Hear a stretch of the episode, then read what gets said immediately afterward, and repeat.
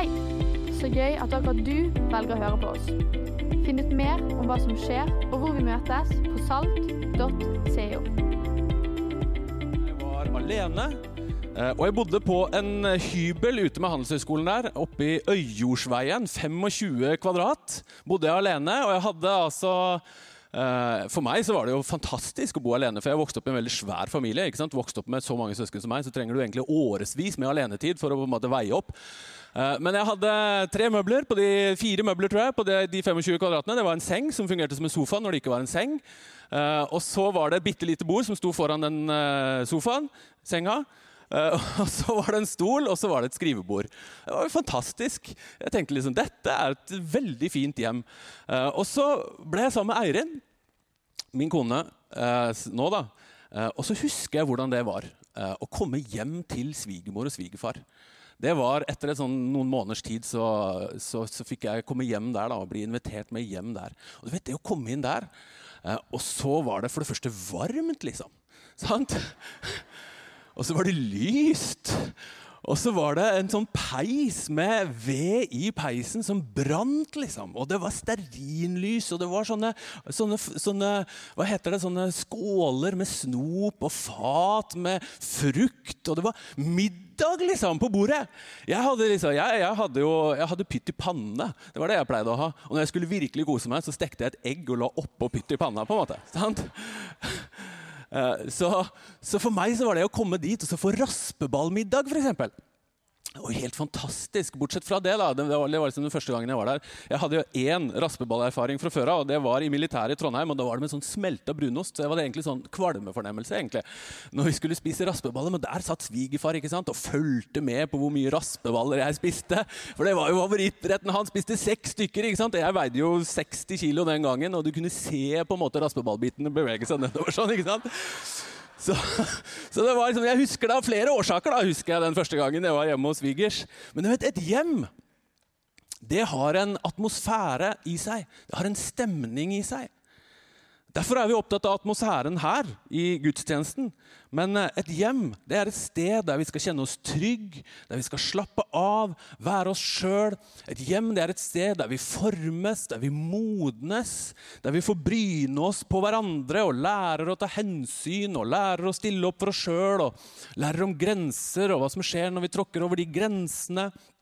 Vi lærer om konfliktløsning, tilgivelse, kommunikasjon. Og som barn så er jo hjemmet det stedet der vi trener oss opp og øver oss opp i livet. Inkludert hvilken plass troen skal ha i livet. Og Vi har satt en stor overskrift for eh, dette året her. 'Jesus er Herre', har vi sagt som en overskrift. Og Det er jo den eldste kristne trosbekjennelsen.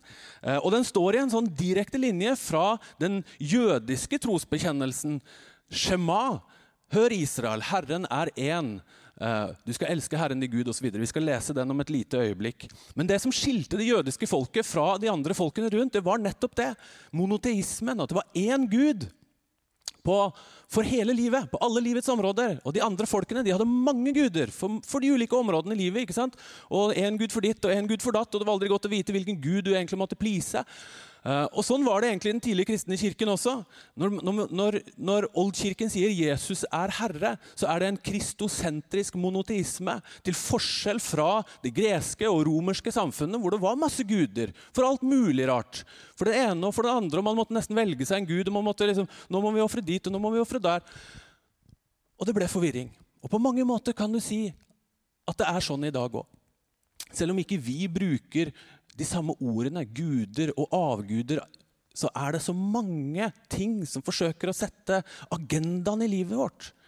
Så mange som prøver å sette retning. Det er så mange ting vi burde oppnå, så mange valgmuligheter vi har. Det er skole, og det er jobb, og karriere, og det er venner, og det er sosiale medier. og Det er ting vi burde ha, ting vi burde gjøre, folk vi burde please, ting vi burde oppleve. Og så oppi alt det, så skal du og jeg, og så skal barna og ungdommene de skal, de skal finne hvem er jeg da? Hva er min identitet? Og, og noen tenker man skal velge sin identitet også. Det skaper en masse forvirring. Og så strever vi med å finne ut av hva eller hvem er det som skal få sette retning på de ulike områdene av livet. Og Så står vi der og så sier vi Jesus er Herre. Det fins noen områder av livet der det kan være avklart. At Jesus er Herre. Noen lokasjoner hvor det kan være avklart. Og Vi har snakket om kirken. Jesus er herre i kirken. Vi har snakket om at Jesus kan være herre i, he i hele mennesket, ånd, sjel og kropp. Vi har snakket om at Jesus er herre i ordet hva det har å si for hvordan vi leser ordet. Sist søndag så snakket Øystein om at Jesus er herre i arbeidsliv og fritid. Og denne søndagen så skal vi snakke om hjemmet. Hva betyr det at Jesus er herre i hjemmet? Jeg vil så gjerne i løpet av de neste minuttene gi deg en frimodighet på det å gi Jesus plass. Gi troen plass i det hjemmet som du har, i ditt hjem. Og jeg har lyst til å gi deg noen konkrete verktøy. Og det er klart, I et rom som dette her, så er det, og kanskje i kveld, så er det mange som bor alene. Uh, og noen bor kanskje med venner i et kollektiv, eller med folk de ikke kjenner. til og med.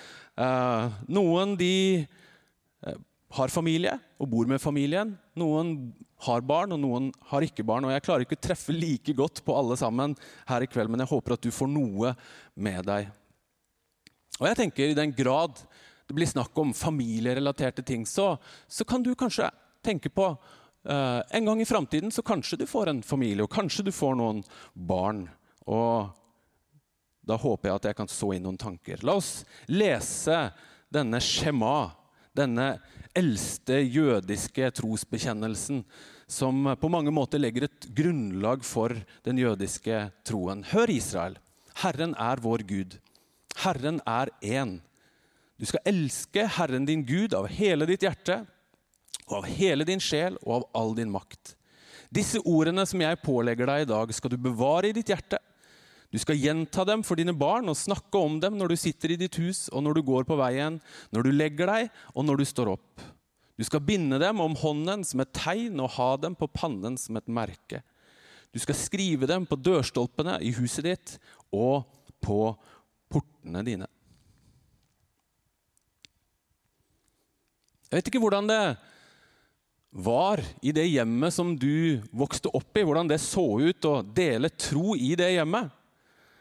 Jeg, har, jeg snakker jo med mange om hvordan det er å dele tro i hjemmet. Og, og det mange tenker på, det er jo det de sjøl opplevde når de vokste opp. Eh, og mange praktiserer det sjøl når de blir voksne. Eh, og det kan jo være så mangt. Noen har kanskje ikke noen referanser fordi man vokste opp i et hjem hvor det tro ikke var en faktor, eller et, ikke, et, ikke, et, kristent hjem. Uh, andre har veldig mye erfaringer, kanskje for mye erfaringer. Tok, troen tok enormt stor plass. Og noen har kanskje fått det opp her i halsen og er nesten litt allergisk. Og Kanskje er det ikke før man får egne barn at man tenker mye over hvordan er det dette burde se, se ut i, i, vårt liv.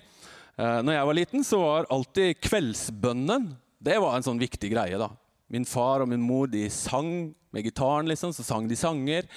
Eh, og, så, ba de med oss om kvelden. Utrolig fin ting. Eh, og det er jo noe som vi har tatt med i vårt liv. Eh, og som vi har brukt til tider altfor lang tid på. Noen av våre venner de liksom, ja, ja, når de skal fortelle hvordan de legger ungene, så er det sånn ja, god natt, og så går vi ut. Mens vi har liksom brukt tre timer på, måte på å legge ungene våre.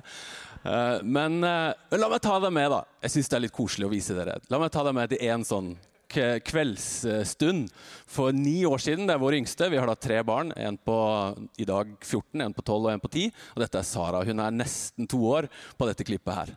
Det er litt gøy. Se hun skjønner for mamma. Kristiane. Kristiane. Takk for David. Takk for Sara. Takk for familien vår. Takk for Aiko. Takk for Nina. Takk for Nila. Vi ber for Aiko. Ber Aiko. At han skal bli frisk. Frisk. I pelsen sin. Amen. Amen. Kjære Gud, jeg har deg godt.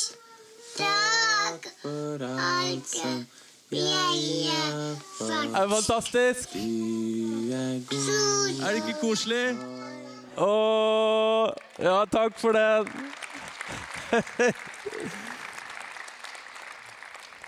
Hvorfor skal Jesus være herre i hjemmet, da? Jeg syns jo nesten det høres litt sånn autoritært ut. Jesus er herre. Er Akkurat som om måte noen skal bestemme over noen. Og som om vi kan bare bestemme at eh, noen andre skal tro. Og Går det an å si det hvis man bor i et kollektiv, for eksempel, eller hvis man bor alene? At Jesus er herre i hjemmet?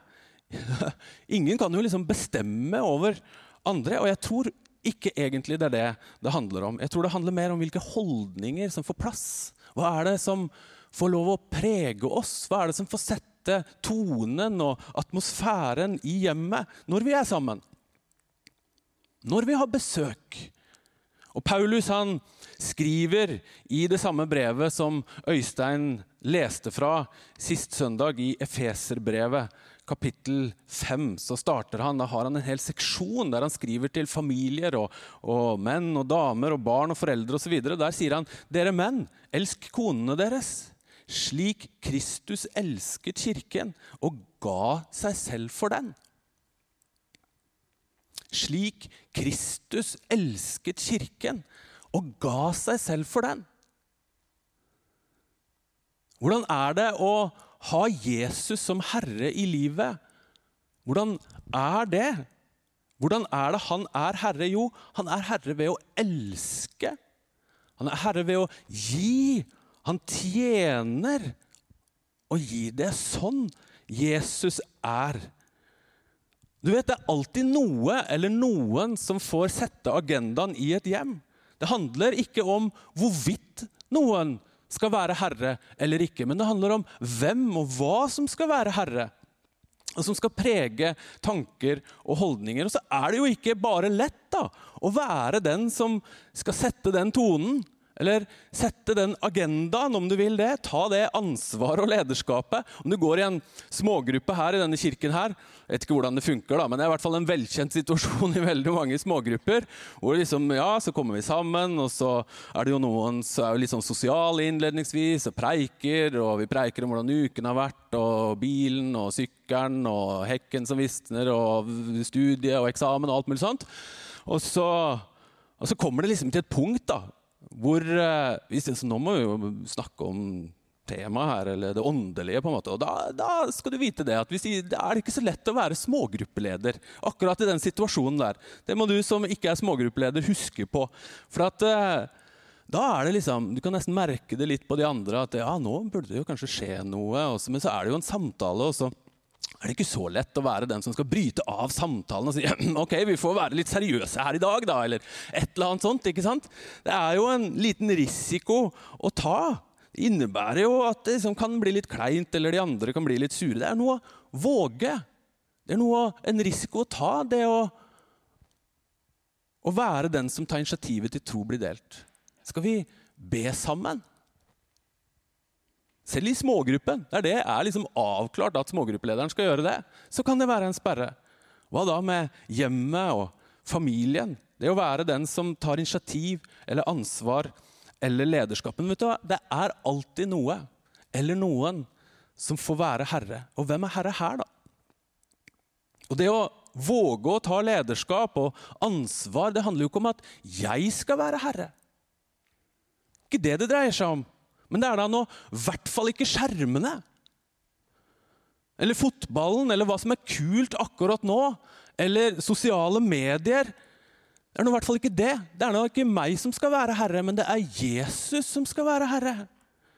Det handler om hva som får plass hos oss.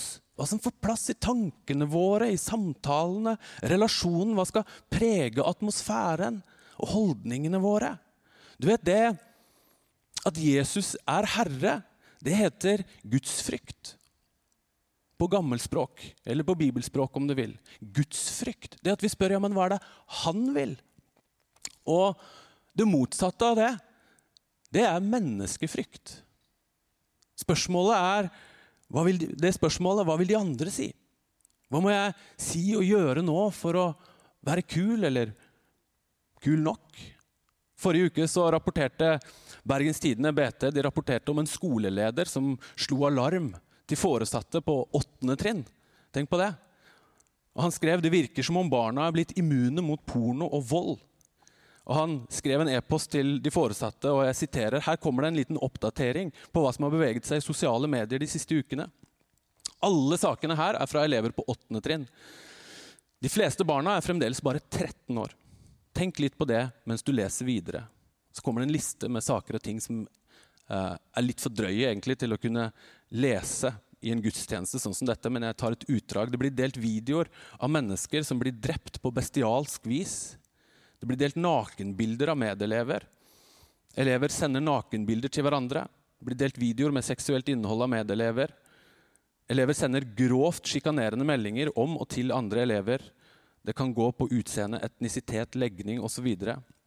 Elever har kontakter og venner som er langt eldre, som kan hjelpe til med å kjøpe alkohol og eller andre rusmidler.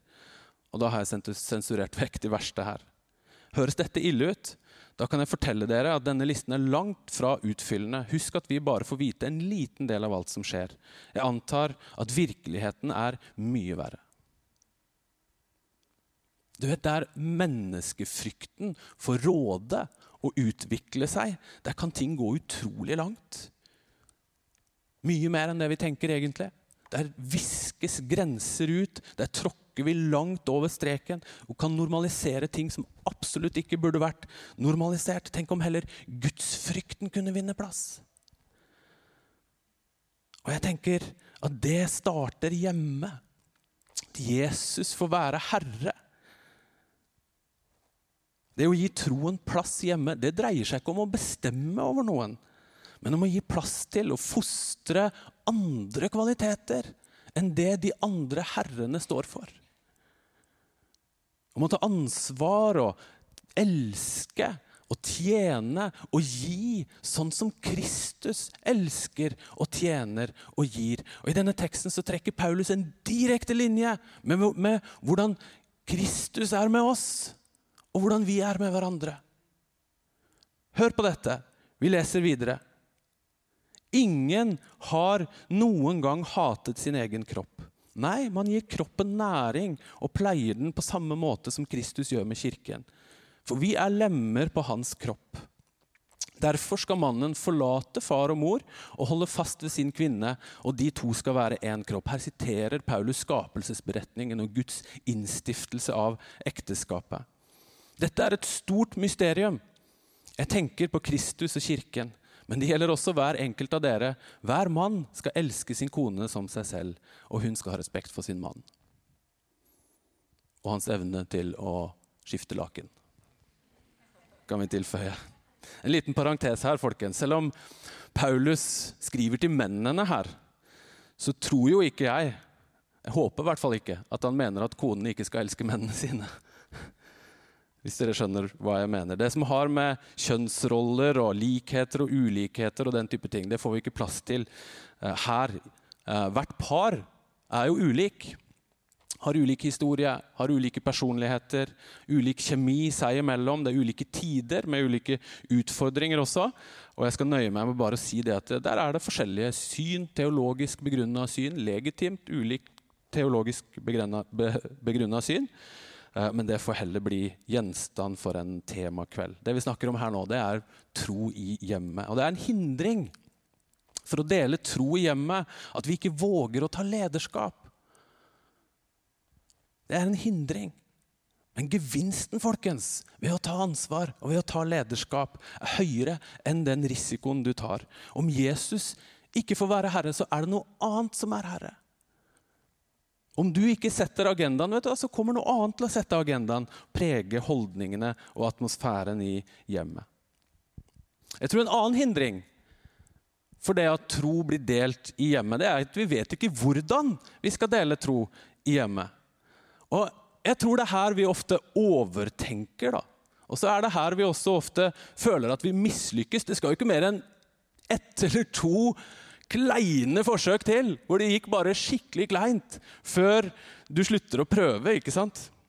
Jeg husker en gang vi var gutta på hyttetur. Det er vi egentlig hvert år. Dette her er mange, mange, år siden nå. Og mange av gutta var jo i smågruppe med hverandre òg, så det var jo den naturligste ting å dele tro og snakke om Bibelen og alt mulig sånt. Eh, og jeg var smågruppeleder, så det var naturlig det. at liksom, ok, Så var det liksom ved frokosten da, på lørdag morgen, og så jeg, hadde liksom et ord jeg hadde lyst til å dele, og, og trakk fram og på en måte ja, Kan jeg få lov å uh, dele en tanke med dere karer? Så sier liksom han ene bare Nei, jeg, har, jeg føler egentlig ikke for å gjøre det akkurat nå. Jeg syns ikke vi skal snakke om Gud nå, jeg. Og jeg bare OK. Ble kleint i to millisekunder. Så jeg, det er helt greit at du følger det. Jeg gjør det allikevel.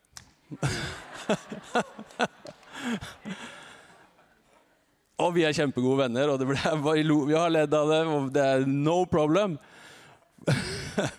Jeg vet ikke hvordan du vil lese deg inn i det som Paulus nå skriver. Dere barn, kanskje du leser deg inn i det. Vær lydig mot foreldrene deres i Herren, for det er rett og riktig. Du skal hedre din far og din mor. Det syns jeg du skal lese deg inn i. Dette er det første budet med et løfte, så du kan gå deg godt, og du kan leve lenge i landet. Dere foreldre, det er helt sikkert noen her inne som kan lese seg inn i det. Vekk ikke sinne og trass hos barna deres, men gi dem omsorg, så de får en oppdragelse og rettledning som er etter Herrens vilje. Vet, det er ikke noen fasit på hvordan man deler tro i hjemmet. Mange måter å gjøre det på, men jeg tror det kommer ut av en omsorg og en kjærlighet for de andre da, som du bor med.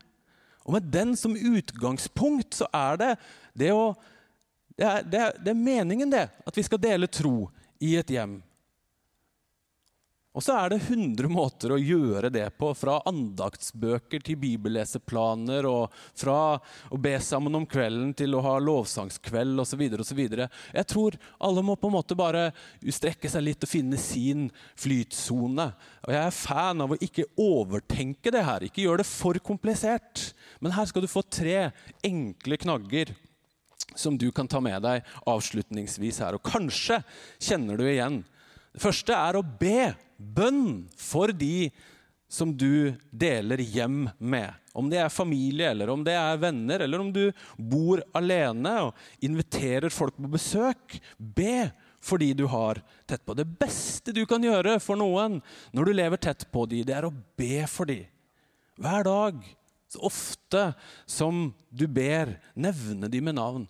Du vet, du merker det i en begravelse, f.eks. Hvis det er en bestemor eller en bestefar som har bedt for familien sin veldig mye, og nevnt dem med navn, barn og barnebarn, så er det akkurat som om det, det, det er en sånn usikkerhet. Det lever et sånt spørsmål i den familien. Hvem er det som skal gjøre det nå? Hvem er det som skal be for oss nå? Hvordan skal det gå med oss nå? Hva skjer når vi ber for noen? Jo, vi kommer på lag med dem. Framfor Gud så kommer vi på lag med dem når vi ber for noen. Der det kan være mange situasjoner der det føles at vi ikke er på lag. Liksom, ja, Toalettkøen, eller ja, men det er min plass i kjøleskapet, eller whatever. Jeg vet ikke hvilke utfordringer du uh, møter i møte med de som du bor sammen med. Men det er mange ganger vi føler at vi ikke er på lag. Men det som skjer når vi ber for noen, det er at vi kommer på lag med dem framfor Gud. Og da får vi hans blikk på saker og ting. Er du forelder her, så tenker jeg det, det oppmuntrer deg og inviterer deg til å gjøre det hver dag. Be for barna dine. Jeg har ikke tall på hvor mange ganger hvor jeg har opplevd å få et annet blikk på de utfordringene de står i, eller på den krangelen vi akkurat hadde, når jeg har bedt for barna mine. En fantastisk ting å gjøre. Å be for hverandre. Og når vi ber for hverandre, så er veien ganske kort til det å be med hverandre også. Og så kan vi utvikle et bønnefellesskap i hjemmet. Det andre er relasjon. Og det er klart det er mange måter å være sammen på. Og Som kirke og som forkynner så skal ikke jeg mene for mye om hvordan du skal leve livet, eller hva du skal gjøre, hva som burde skje hjemme hos deg i kollektivet, eller når du har folk på besøk. og sånne ting som det er. Men det er noen ting vi kan gjøre for å bygge opp relasjonen. Og så er det andre ting vi kan gjøre for å bygge ned relasjonen. Du og jeg vi er jo skapt i Guds bilde. Er vi ikke det? Og Gud, han er for relasjon. Gud er far. Jesus Kristus er Guds sønn. Og Den hellige ånd er en treenighet, en relasjon som vi er invitert inn i. Gud han er vår far, og han har jo vist oss hvordan vi skal gjøre det.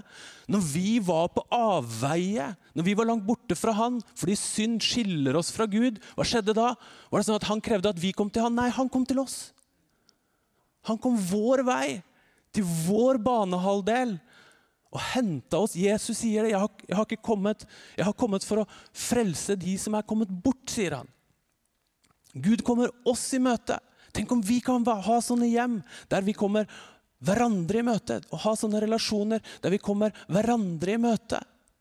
Der vi kommer på hverandres banehalvdel. Tenk om vi kunne gjøre det samme. I vår tid så er det et overskudd på kunnskap og informasjon, men det er et underskudd på nærhet og tilstedeværelse og oppmerksomhet. Den beste gaven vi kan gi til hverandre. Og bygger relasjonen. La oss være sånne. Og Det tredje det er ord. Ord skaper virkelighet. Og Guds ord, folkens, det former vår virkelighetsforståelse. Det former gudsbildet vårt. Hør, disse ordene, sier Shema. Disse ordene som jeg pålegger deg i dag, skal du bevare i ditt hjerte. Du skal gjenta dem for dine barn, snakke om dem når du sitter i ditt hus, og når du går på veien, og når du legger deg, og når du står opp. Du skal binde dem om hånden som et tegn og ha dem på pannen som et merke. Du skal skrive dem på dørstolpene i huset ditt og på portene dine. Det å dele et ord, folkens, er en fantastisk fin egenskap å ha. En ferdighet å ha i livet. Er du smågruppeleder i, i, her i kirken, så trenes du opp til det. Dele et ord. Er du med i en smågruppe, så får du sjansen til det. Trene opp den skillen av å dele et ord. Kan jeg få dele et ord? Du vet, Det å dele et ord det er som å dele ut en matrett. Som å gi noe som du har lagd. Her, vær så god, en matrett. Guds ord det er som et rikt tapasbord av ulike retter til alle mennesker på alle steder, i alle mulige ulike livssituasjoner. Og Så kan vi gi hverandre det. Så kan vi dele et ord rundt måltidet, eller rundt middagen eller rundt kveldsen. Hvordan har liksom dagen vært? Hva har du tenkt på? Hvilke bekymringer er det som har dukka opp? Hva er du er urolig for i morgen? Byrder og motløshet? Så går det an å si men la meg dele et ord. Noe som du har tenkt på da du var med Gud, eller noe som har blitt bra for deg en eller annen gang i livet. La meg dele et ord. En kjempeenkel inngang. Skal vi be sammen? Skal vi dele et ord? Kjempeenkel inngang, også når det ikke er forventet. Keep it simple, folkens. Dette her, Du trenger ikke å være pastor eller leder eller forkynner for å gjøre disse tingene. Bønn, relasjoner, ord. Bro til tro i hjemmet. En fantastisk enkelt rammeverk for hvordan det kan gjøres. Kan ikke vi reise sammen, så skal vi be litt avslutningsvis. Et sånt budskap som det her, det treffer ulikt. Det siste jeg ønsker å gjøre, det er å gi deg dårlig samvittighet for noe du føler du burde ha gjort eller ikke gjør. Eller. Det siste jeg ønsker, er å gi deg en tapsfølelse for noe som ikke ble. Eller, eller liten mestringsfølelse. Tvert om. Jeg skulle si til deg det at ja, men du er viktig. Og du har det som skal til. Du kan utgjøre en enorm forskjell.